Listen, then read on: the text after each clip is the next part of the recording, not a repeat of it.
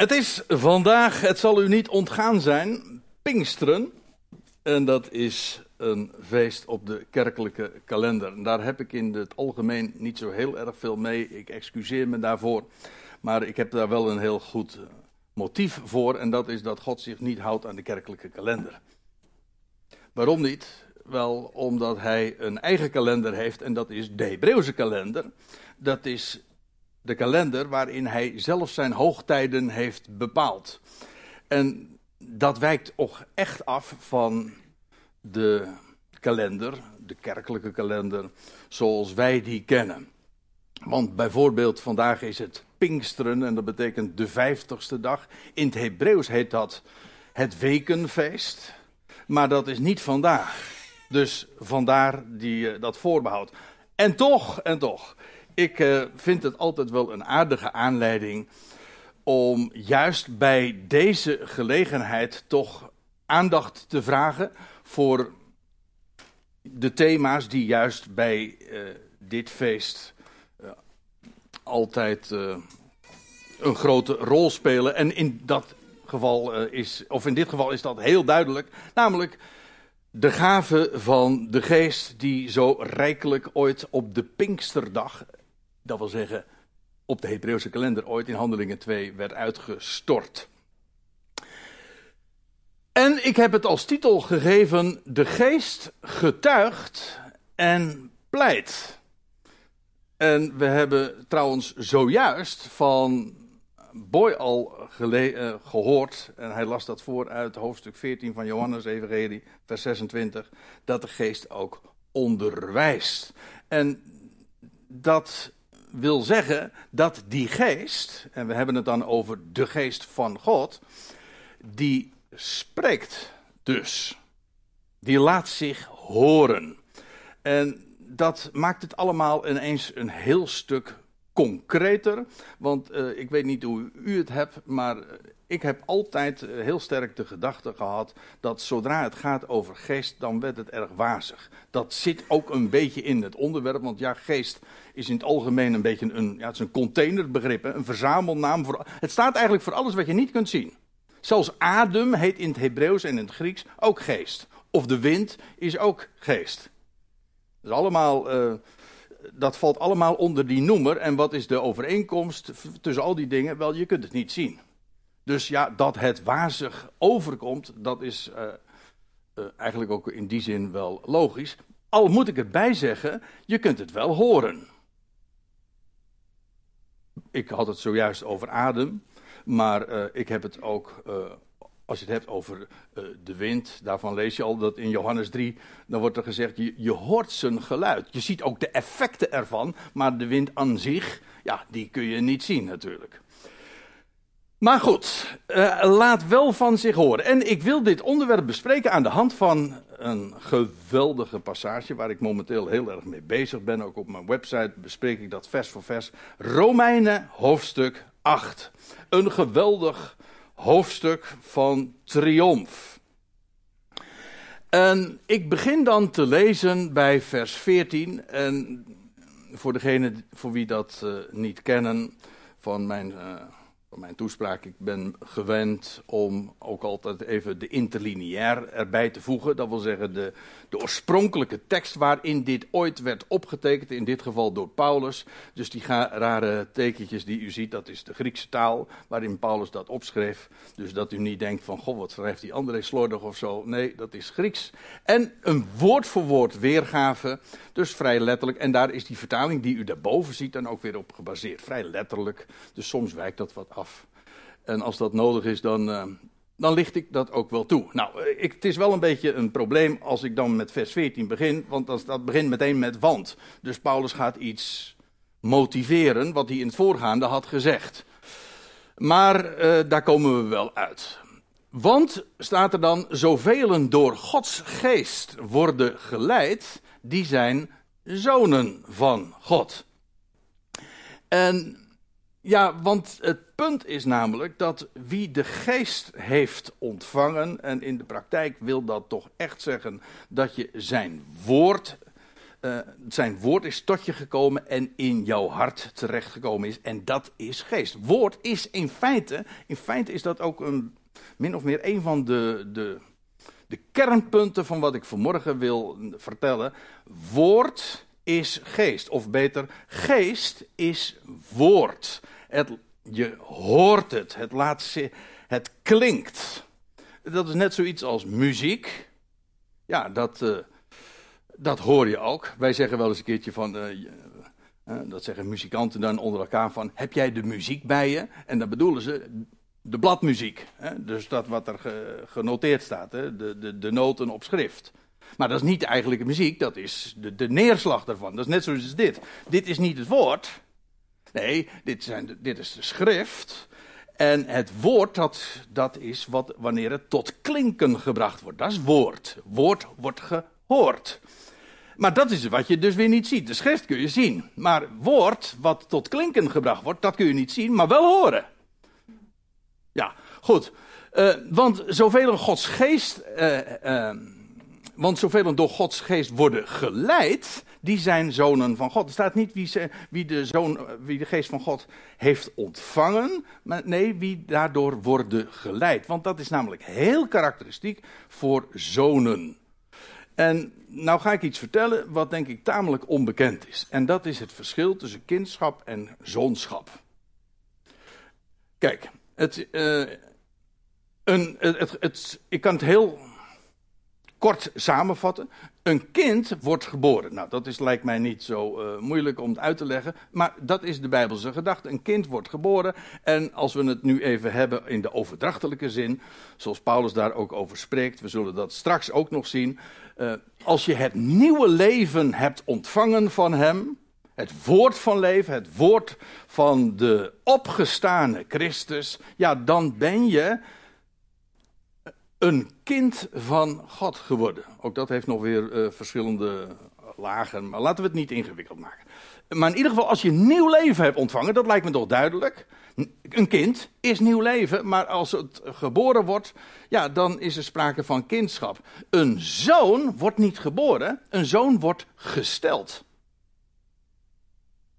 En ja, ik heb daar een plaatje ook bij bijge, uh, bijgezet. En u ziet hier een bar mitzwa. En wat is dat? Nou, dat is wanneer een Joodse jongen uh, eh, 13 jaar wordt en dan wordt hij bar mitzwa, dat wil zeggen zoon van de wet. Dan wordt hij, een, dan wordt hij gesteld tot zoon. Hij was altijd kind. Hij is nog steeds kind. Maar uh, op een hogere, als ik het zo mag zeggen, level. Hij wordt namelijk gemaakt tot zoon.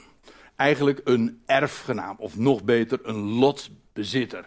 En dan wordt hij dus van kind ook een zoon. Hij wordt tot zoon gesteld. Helaas komt dat in de vertalingen zelden tot uitdrukking. Maar eigenlijk staat er ook niet, uh, wat we straks zullen zien, zoonschap. Maar er staat eigenlijk letterlijk een zoonstelling.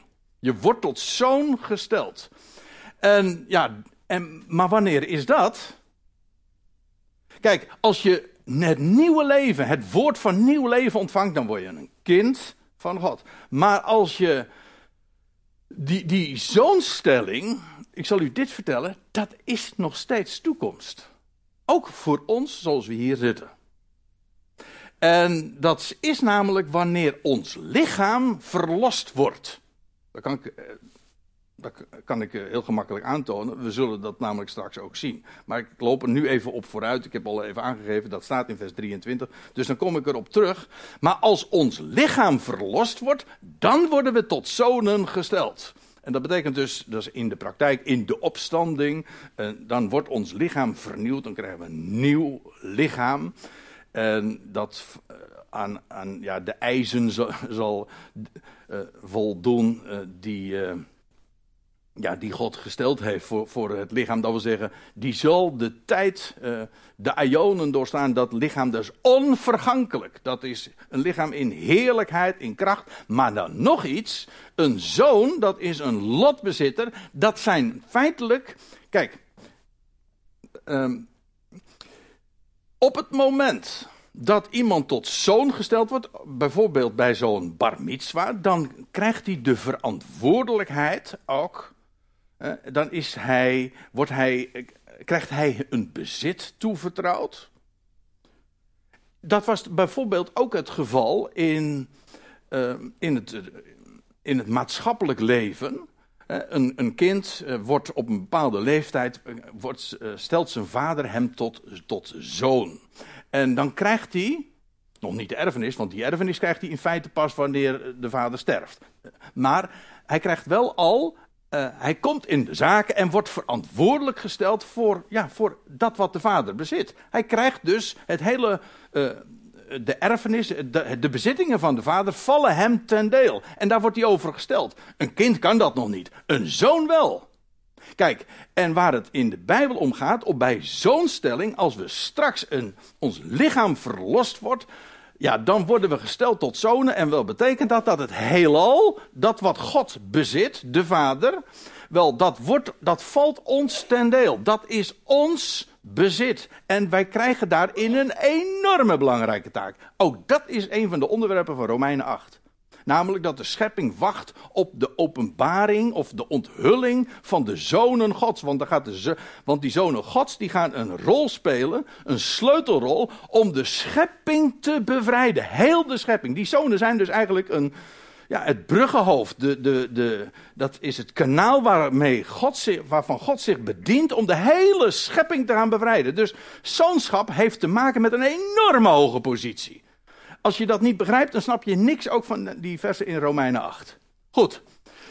Want jullie ontvingen geen geest van slavernij om weer te vrezen. Maar jullie ontvingen een geest van zoonstelling. Waarin wij roepen: Abba, vader. Kijk, het idee is: een zoon is in een hoge positie. Dat is geen slaaf. Dat is een enorm verschil. Die, die. Kijk, we hebben nu wel alvast, nu al, de geest van zoonstelling. Dat is waar. Die zoonstelling zelf is toekomstig. Maar laat ik het eens even op een rijtje zetten. Je hebt dus een slaaf en een zoon. Een slaaf, ja, die gehoorzaamt. Een zoon, die wordt gehoorzaamd. Die, heeft, die wordt namelijk gesteld over de bezittingen van zijn vader. En die ook het personeel wat die vader heeft. Ja, die moeten voortaan ook uh, zich stellen onder die zonen. Onder zo'n zoon. En die wordt dus gehoorzaamd. En uh, een slaaf, ja, die bezit niks. In feite is dat zelf een, een bezit, een lijfeigene. Een zoon, die bezit alles. Vanaf het moment dat, die, dat zo'n zo'n kind tot zoon wordt gesteld, ja, krijgt hij alles wat de vader bezit, valt hem ten deel. Daarmee bezit hij dus eigenlijk alles. En ja, een slaaf die heeft een heer, maar een zoon niet. Een, een zoon staat in een heel andere verhouding tot die Heer, namelijk een vader. Een zoon heeft, ja, logischerwijs, een vader. Een, in een veel intiemere verhouding uh, tot God. God kennen wij als vader. Er staat ook, ik las het zojuist voor, maar wij, uh, jullie ontvingen een geest van zoonstelling waarin wij roepen Abba vader. Het is als zonen dat wij zeggen Abba vader, dat wij met hem de dingen bespreken van de hele schepping die ons ten deel valt. En in die hoedanigheid spreken wij tot hem als vader.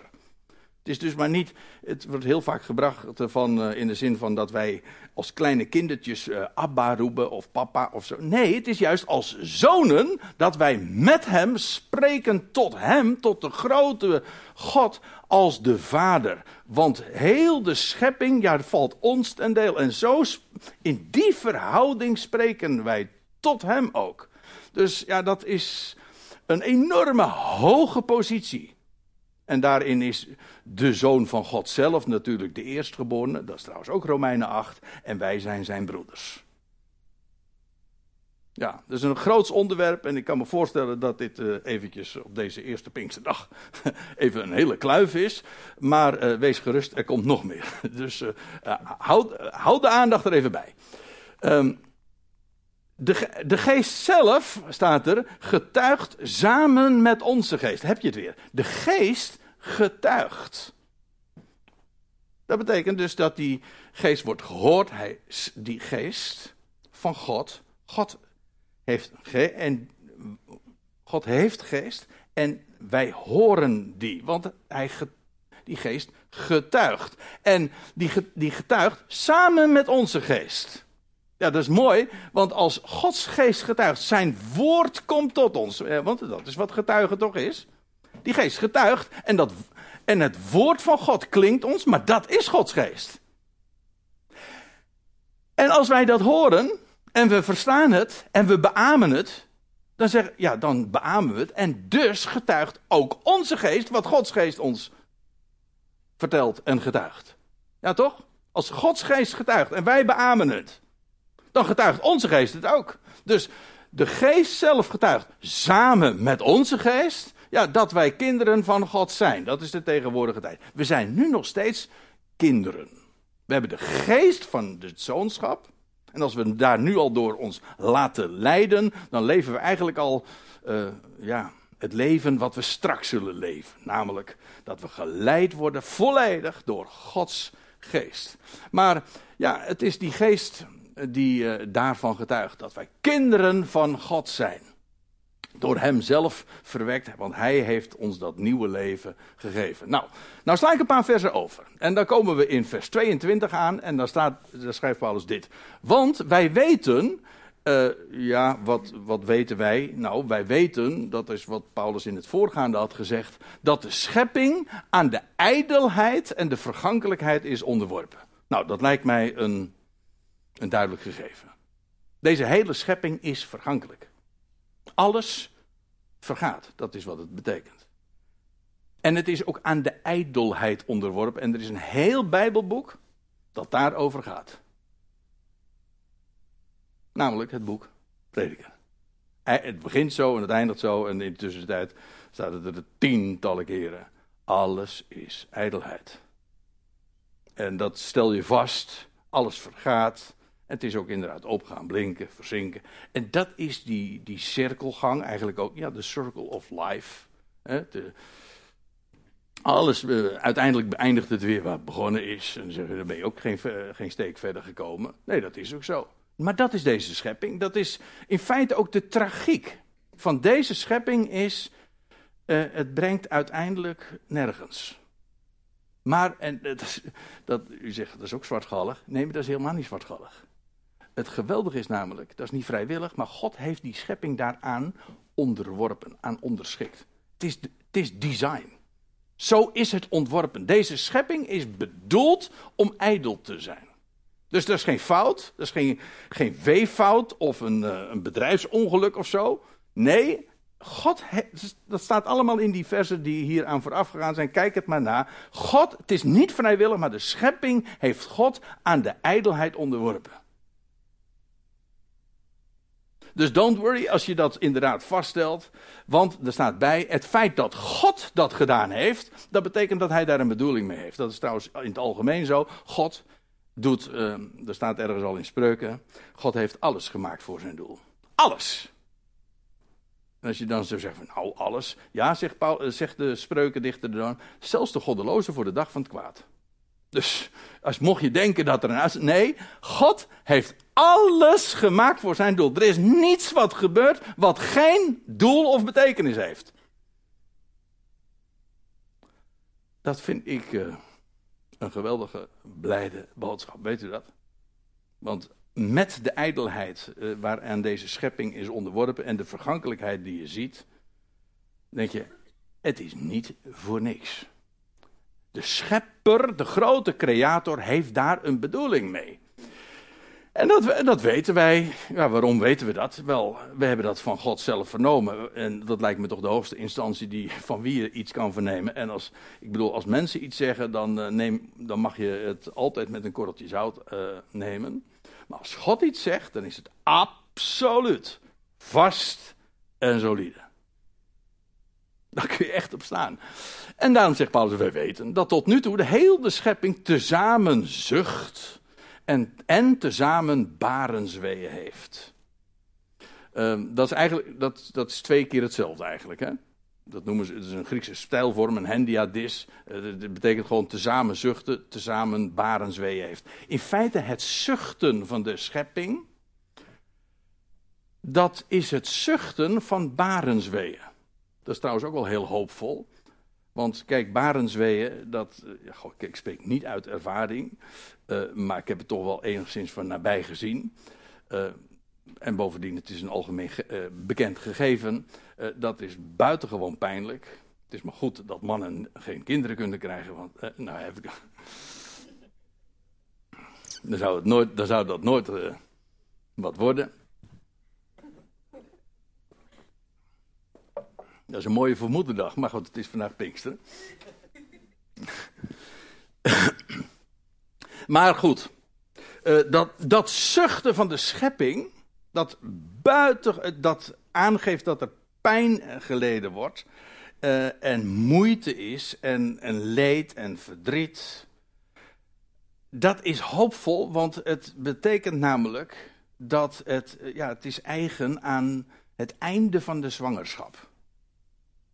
Nieuw leven komt eraan. Dus hoop, dus verwachting.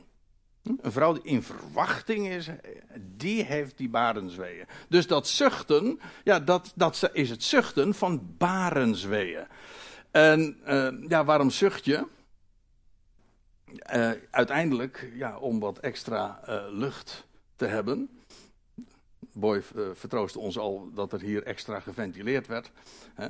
Ik zei al gehyperventileerd, maar dat is weer wat anders. Uh, maar uh, in feite, dat is wat. Ik, ik heb zelfs begrepen dat elk mens minimaal eens per vijf minuten zucht. Ja. in het algemeen, je zucht. We kennen dat ook wel in de uitdrukkingen. Om, ja, om de pijn te verlichten om te ontstressen. En we zeggen ook een zucht van verlichting. En dan met verlichting niet in de zin van een lamp die je aanzet, maar verlichting in de zin van de last wordt minder. Daarom zucht je ook. Weet je, dat. En het zuchten heeft, uh, associëren we ook altijd inderdaad met moeite, met verdriet, eventueel, maar uh, ja, ook met emoties inderdaad. Want juist wanneer je uh, veel eh, stress hebt, dan, dan, dan zucht je. Dan, dat is ook een noodzaak, want je hebt extra, extra lucht nodig. En dat lucht ook met recht op. Daarom doe je dat ook. Goed, maar dat is deze hele schepping die zucht.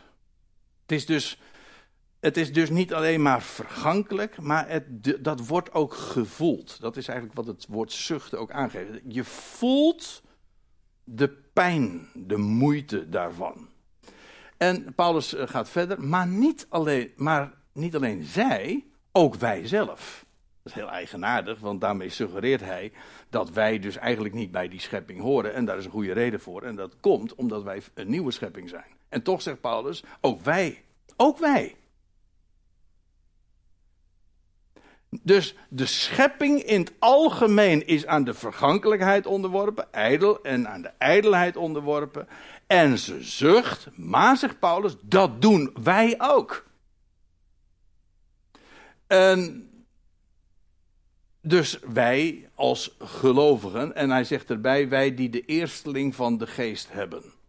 Dat, en nou komen we dan toch weer op Pinkster, want u weet niet, ik weet niet of u zich uh, realiseert. Maar uh, kijk, de eersteling is een hele bekende Bijbelse gedachte. In altijd is het zo dat het eerste wat geboren wordt, de eerstgeborene, het, de eerste uh, vrucht van de oogst, heeft de hoogste positie. Altijd in de Bijbel de, het principe is, al het eerste geborene en alle eerste vrucht daarvan zegt God, dat is voor mij. Krijgt de hoogste plaats. Dat fenomeen kennen wij ook wel. Dat als iets, eh, het eerste is altijd het belangrijkste. De eersteling. Moet u maar eens een keertje vragen. Uh, nou ja, we zitten hier vaak bij Scheveningen. De eerste haringjes. Hm?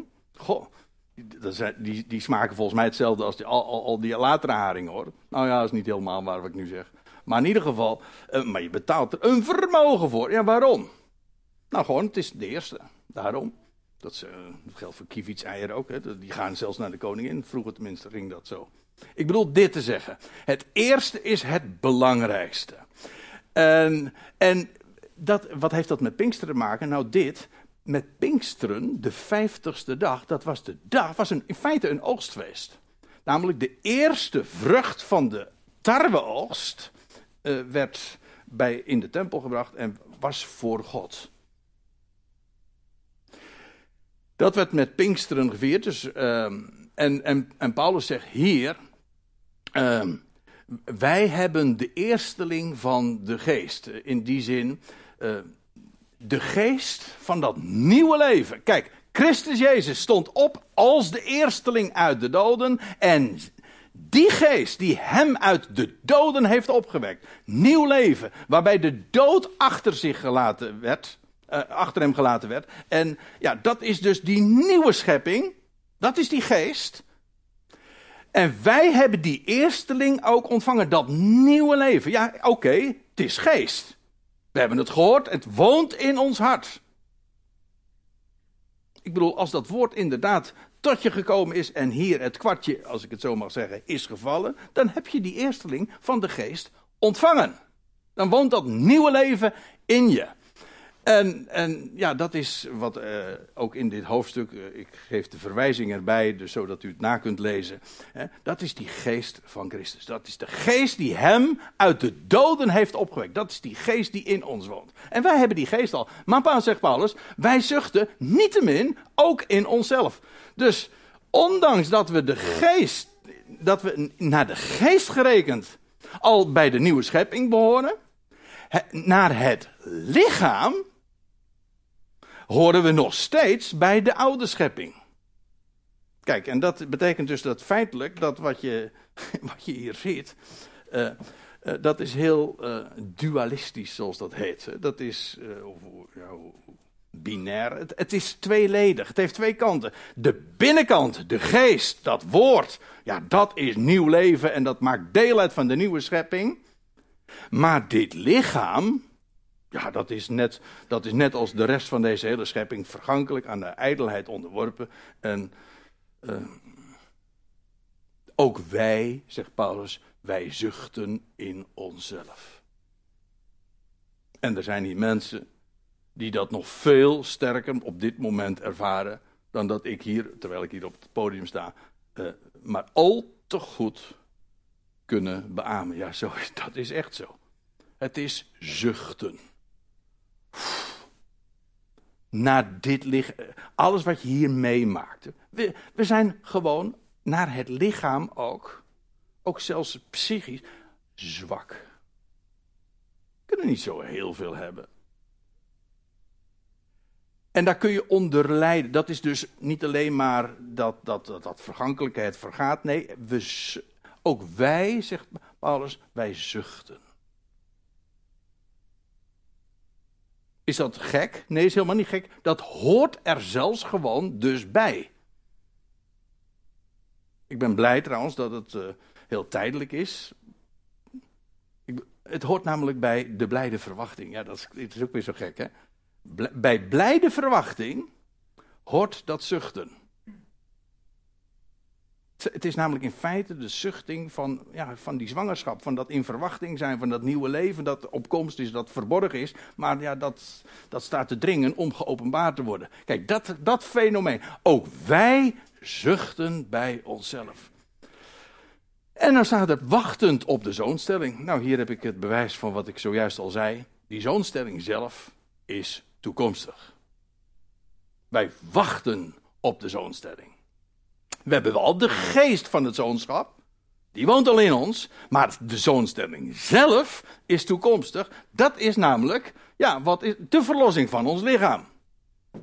En dan moet ik even, even goed de puntjes op die zetten. De verlossing van ons lichaam moet u niet met Griekse oren beluisteren. De verlossing van ons lichaam betekent namelijk niet dat we van ons lichaam verlost worden. Nee, het betekent dat ons lichaam verlost wordt. Ik hoop dat u het verschil ziet. De, de Grieken hadden het idee van die onsterfelijke ziel. Weet u wel, de, dit is het lichaam en in ons woont een ziel. En uh, op het moment dat je dan de laatste adem uitblaast. Dat is ook al een zucht trouwens. Als je die dan uitblaast, dan, uh, nou ja, dan wordt eigenlijk de ziel uit de kerker, dit lichaam, bevrijd. En dan heeft het zijn bestemming gevonden. Dat is zo verschrikkelijk onbijbels, dat idee. In de eerste plaats, we zijn een ziel. En op het moment dat we de laatste adem uitblazen, dan is het een dode ziel. En wat wij verwachten, is niet de bevrijding uit dit lichaam of de verlossing uit dit lichaam, dat dit lichaam zelf verlost wordt. En dat gebeurt, hoe dan ook. In ieder geval, op het moment uh, ja, dat de, bij, in de parousia, dat we met hem, uh, uh, dat hij zal komen en dan, zal, dan zullen onze lichamen getransformeerd worden en gelijkvormig gemaakt worden aan het lichaam van zijn heerlijkheid. We hebben geen idee wat dat is. Want ja, waarom? Er is er maar één die dit op dit moment nog maar heeft en kent. Namelijk de Heer Jezus Christus. Maar ja, die is, Boy heeft het al verteld, dat is vorige week hier uitgebreid, geloof ik, door Peter Slachter naar voren gebracht. Namelijk dat hij daar momenteel boven is. Dus dat zien wij ook al niet. Maar niettemin, hij is de eersteling die onsterfelijk is, onvergankelijk is. Maar de rest gaat komen. En wij zijn eerstelingen. En uiteindelijk volgt de rest. Ieder in zijn eigen rangorde. Geweldig, hè? Zoals, zoals God dat allemaal plant. Ja, je hebt, je, hebt, je hebt mensen die vooraan mogen staan en mensen die achteraan komen. Ieder in zijn eigen rangorde. Alles. Maar ons lichaam gaat verlost worden. Wauw. Ik durf echt, uh, ja wel te zeggen, we hebben er echt geen idee van wat dat is en wat dat betekent. Dat ons lichaam compleet getransformeerd wordt en geschikt gemaakt wordt voor, voor die hele nieuwe conditie, voor die nieuwe schepping. Ongekend. En gaat gebeuren. Het is uh, alleen nog even afwachten. Dus daarom staat er ook, we wachten op die zoonstelling. Uh, want in hoop, en nou ga ik eventjes uh, snel door een paar versen heen. Want in hoop werden wij gered. Dat is heel eigenaardig. Hoop is toekomst. Wij werden gered als verleden tijd. En hoe kan dat nou? Nou, wij hebben hoop ontvangen. Wij, nee, laat ik het anders zeggen. Wij zijn inmiddels gered, maar dat is, dat is in hoop. Dat wil zeggen, het is verwachting. Maar aangezien we er absoluut zeker van zijn dat het gebeurt, is het alsof het gewoon al uh, gebeurd is.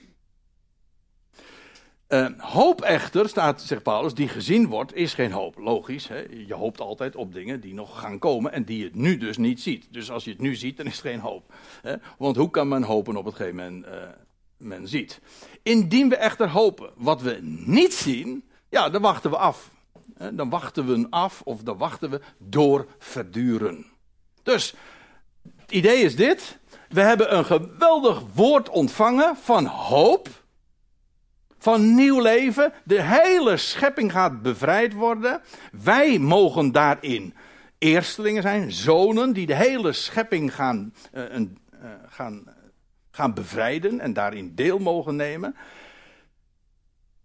Tot die tijd, ja, wachten we gewoon. Ja, ik bedoel, daar, kun je, daar kunnen we niks aan afdoen, we kunnen er niks aan toedoen. Je kan, uh, je kan zeggen van, goh, ik wou dat het vandaag al was. Ja, maar dat verandert er niks aan. Wij wachten dus. En tot die. Maar we zijn er zeker van. Die hoop is een anker, vergis je niet. Dat staat absoluut vast. En hoe gaat, hoe, als dat bootje heen en weer gaat. Door alle golven enzovoorts. Ja, maar dat kan wel. Maar die, dat anker ligt absoluut vast. Dat is, een, dat is het embleem van de hoop bij uitstek. Kijk, dat is het woord van God. En wij wachten dus. En we, we, zien helemaal niks. Nee, daar is ook hoop voor. Maar het is absoluut solide. En dus die, in die tussentijd ja, verduren we de dingen. Verduren we ook het zuchten. De moeite. It's all in the game, zeggen we dan. Is, dat klinkt misschien wat lichtvaardig, maar ik bedoel dit. Het hoort bij deze oude schepping. Accepteer het. Bestrijd het niet. Het is een gegeven maar we verduren. Hoe kunnen we dat verduren? Omdat we hoop hebben. En dat maakt het verschil.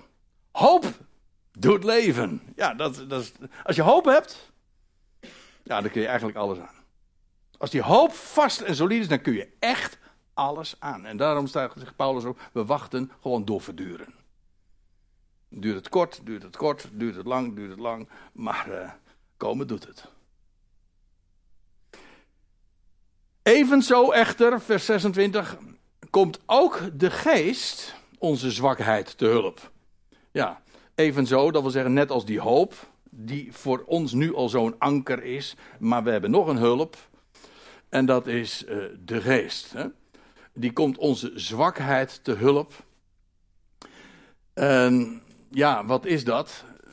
Paulus zegt erbij, want wij weten niet wat we zullen bidden. Nee. Uh, er staat nog bij, uh, naar het, letterlijk staat er naar hetgeen moet zijn. Wij weten, er staat in de MBG-vertaling, wij weten niet wat we zullen bidden naar behoren. Hebt u dat, kent u dat fenomeen? Ik ken het eigenlijk eh, eh, heel goed. Je, je bidt voor dingen. Ik, ja, ik, het liefst dank ik gewoon, want ik weet gewoon, Gods, Gods weg is de beste altijd. Dus wat ik ook bid, ik weet één ding zeker. Ik mag al mijn wensen bij Hem bekendmaken. Laat ik dat, laat ik dat even vooropstellen. Alles wat ik wens, mag ik bij Hem bekendmaken. Vrijmoedig. Maar ik weet op voorhand dat wat ik ook wens, dat Zijn wil en Zijn weg vele malen beter is. En als ik denk het beste te geven, ik vraag, ik vraag zilver, hij geeft goud. Is mijn gebed dan verhoord? Nou, dan mag u eens over nadenken, dat is een hele goeie. Ja, als ik zilver vraag en hij geeft goud, is mijn gebed dan verhoord? Nou, eigenlijk meer dan dat. Kijk, en dat is het. En, maar wat moeten wij nou bidden? In onze omstandigheden, terwijl we zuchten, terwijl we de zwakheid aan de lijve ervaren, dat er zoveel moeite zijn. En terwijl ik in de zaal kijk, zie ik, al, uh, zie ik uh, eigenlijk uh, ja, mensen voor me, maar ook hoor ik de verhalen van mensen die zeggen: Je zou eens moeten weten wat mijn zwakheid en mijn zuchten op dit moment is. En, en, en nou heb ik nog een vraag. Wat is dan wat je moet bidden? Nou, ik kan, maar één, ik, ik kan alleen maar beamen wat Paulus zegt. We weten het niet. Ik weet echt, ik weet in hemelsnaam niet wat ik moet bidden. Want ik weet namelijk niet wat het beste is. Ja, ik weet wel, ik, je hebt natuurlijk wensen, maar je, je, weet, je voelt zelf ook aan, ja, je geeft het over aan God. Wij weten niet uh, wat wij zullen bidden naar hetgeen moet zijn. Niet naar behoren, naar, naar hetgeen moet zijn. Dat wil zeggen, het, het punt is, zijn weg is altijd de beste. En ik weet niet wat de beste is. Ja, ik denk het soms wel te weten, maar ik weet het niet. En ga er nou maar op voorhand van uit dat zijn weg de beste is. Hoe zongen we het ook alweer? Altijd, hè? Zijn weg is de beste, de beste, altijd. En dat is logisch, want er is één God en die houdt van ons. En Paulus, dat is ook Romeinen 8. Als God voor ons is, wat kan er dan tegen ons zijn? Als hij nou die, die alles in de hand heeft, alles. Ik bedoel, alles. Als hij voor mij is, wat kan er dan tegen mij zijn? Dat is een retorische vraag. Hè? Het antwoord is natuurlijk niks. Voel je dat? Nee, dat zeg ik niet. Maar het is zo. En daar heb je wat aan trouwens hoor. Aan gevoel heb je niks, uiteindelijk. Klinkt ook een uh, misschien wat laag, uh, dunk, laatdunkend ten aanzien van emotie. Maar ik bedoel eventjes relatief. Ten opzichte van de waarheid heb je aan gevoel niks. Feiten trekken zich niks aan van gevoel. Weet u dat? En het feit is, de waarheid is, daar kan je op staan. U zegt, dat, is, dat, dat is, zeggen mensen wel eens, hè? het is zo hard. Ja, wees blij dat het zo hard is, want dan kun je erop staan. Dan kun je op, dat, dat is wat juist een rots is. Kijk, Gods weg is de beste. En uh, er staat er nog iets bij. Wij weten niet uh, naar het. Uh, wij weten niet wat we zullen bidden naar hetgeen moet zijn, maar de geest zelf pleit ten behoeve van ons. En nou heb je het tweede punt uit die titel. De geest getuigt, laat van zich horen, spreekt Gods woord en pleit ten behoeve van ons. Ja, en dat betekent, en pleiten, ja dat is ook een werkwoord, ja. Uh, nee, ik bedoel ook uh, een ander type woord. Iets kan pleiten, de geest kan pleiten zijn. Nee, dat bedoel ik niet. De geest is niet pleiten, de geest pleit. En wat betekent pleiten wil zeggen, dat is ook wat een advocaat doet, dat iets pleit voor je. Nou, de geest pleit ten behoeve van ons. Hij spreekt namens, nee niet zozeer namens, hij spreekt namens God, maar juist ten behoeve van ons. In onze, uh, in onze belang, onze beha belangen behartigt hij. Dat is wat pleiten is. En dat is wat de geest doet. De geest spreekt, maar dat pleit voor ons. Ja. En nou ga ik iets zeggen wat, uh, wat u misschien nog nooit gehoord hebt. En wat misschien ook wat onorthodox klinkt. En toch ga ik het vertellen. Want uh, meestal wordt er verteld. Ook in de vertalingen staat van de geest zelf pleit voor ons. Uh, met, onbe, met onuitsprekelijke verzuchtingen. Ik geloof dat niet. Zo. Maar moet ik even toelichten natuurlijk. Ik, ik bedoel dit. Die onuitsprekelijke verzuchtingen, of dat, er staat in, trouwens niet, uh, er staat niet met, er staat hier een voorzetsel, ontbreekt sowieso in het Grieks, het staat gewoon in de derde naamval. Het is namelijk dit, die onuitgesproken verzuchtingen, die zijn van ons. Kijk, het idee is, wij zuchten. De ganse schepping zucht. En ook wij zuchten. Sprakeloos, want dat is wat zuchten is. Hè. Je zucht eigenlijk en je, je, je kan er geen woorden soms aan geven. Maar je voelt het wel, tot in je tenen. En dat zuchten, dat is van ons. Maar de geest die pleit. En dat is, dat is niet onuitgesproken. Integendeel, pleiten is juist, hij spreekt. Dus aan de ene kant heb je ons verzuchten, dat sprakeloze zuchten. En Gods geest die spreekt, die zijn woorden laat klinken ten behoeve van ons. Dus het idee is, maar de geest zelf pleit ten behoeve van ons in onze onuitgesproken verzuchtingen. Dus het is niet, de geest heeft onuit, uh, of, uh, hoe zei het, uh, onuitsprekelijke verzuchtingen. Ik heb het al zo vaak horen zeggen en ik heb, weet ik heb het altijd al vreemd gevonden. Dit hele idee dat de geest, oh, ik bedoel dat de schepping zucht, ja, dat begrijp ik. En dat wij zuchten, ja, dat is ook duidelijk. Of naar het lichaam sowieso. Maar de geest, doet hij dat nou ook al? Nee, de geest pleit. Die is, die is niet sprakeloos. Wij zijn sprakeloos. Maar dan is het heerlijk dat er iemand is die, zijn, die het woord met allemaal hoofdletters laat klinken. En dat pleit voor ons. Trouwens, er is er ook nog één boven. Dat is, eh, dat is het slot van Romeinen 8, is zo'n geweldig hoofdstuk. Hè, dat Christus Jezus daarboven is. Wat Christus Jezus de gestorvene, wat meer is, de opgewekte. Die aan Gods rechterhand is en pleit. Het feit dat hij daar is, dat pleit al voor ons trouwens. Alleen dat al. Dus ja, die geest die hebben we ontvangen en dat is wij in onze moeite, in ons zuchten, is er één die ons nabij is. En die ons kracht geeft. Dat geeft echt kracht.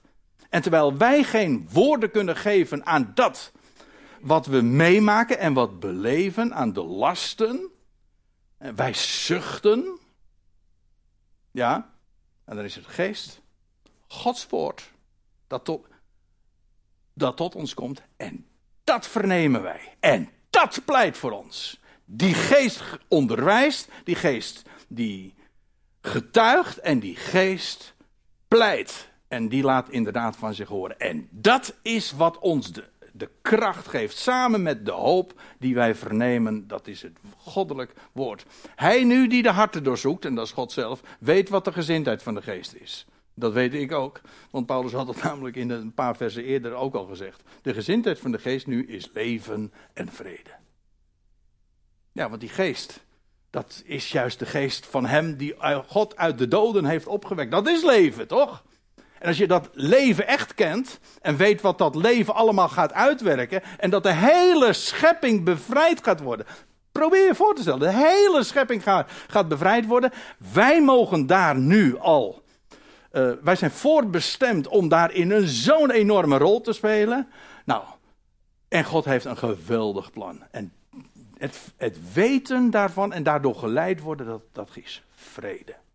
Want er is er één die dat beschikt. En ja, zijn weg is de beste. En dan heb je inderdaad, dan kun je leven en vrede. Dat is de gezindheid van de geest. Als je daar nu al in mag wandelen, ja, dat is, dat is, dat is het leven van het zoonschap. Ja, en dan staat hij nu die de harten doorzoekt, weet wat de gezindheid van de geest is. En dat hij in overeenstemming met God pleit ten behoeve van heiligen. Dan heb je weer exact hetzelfde. Die geest die pleit. En dat is allemaal ten behoeve van ons. Spreekt ten gunste van ons. En terwijl wij in onze zwakheden zijn. En zuchten. En aan de ijdelheid zijn onderworpen. En aan de vergankelijkheid. En dat is niet gering. Maar er is één ding. Dat, dat alles niet een beetje, maar verre overtreft. En dat is zijn woord. En dat, en dat woord dat klinkt, dat kun je niet zien, maar daarom is het ook geest. Maar het is leven en het is vrede en dat pleit en dat spreekt en dat getuigt. En dat is wat in, in onze zwakheid ons er helemaal doorheen trekt. Nou, dat is wat ik graag vanmorgen met jullie wilde delen. En daar wilde ik het graag bij laten. En ik stel voor dat we met elkaar nog een, uh, een lied gaan beluisteren of zingen, whatever.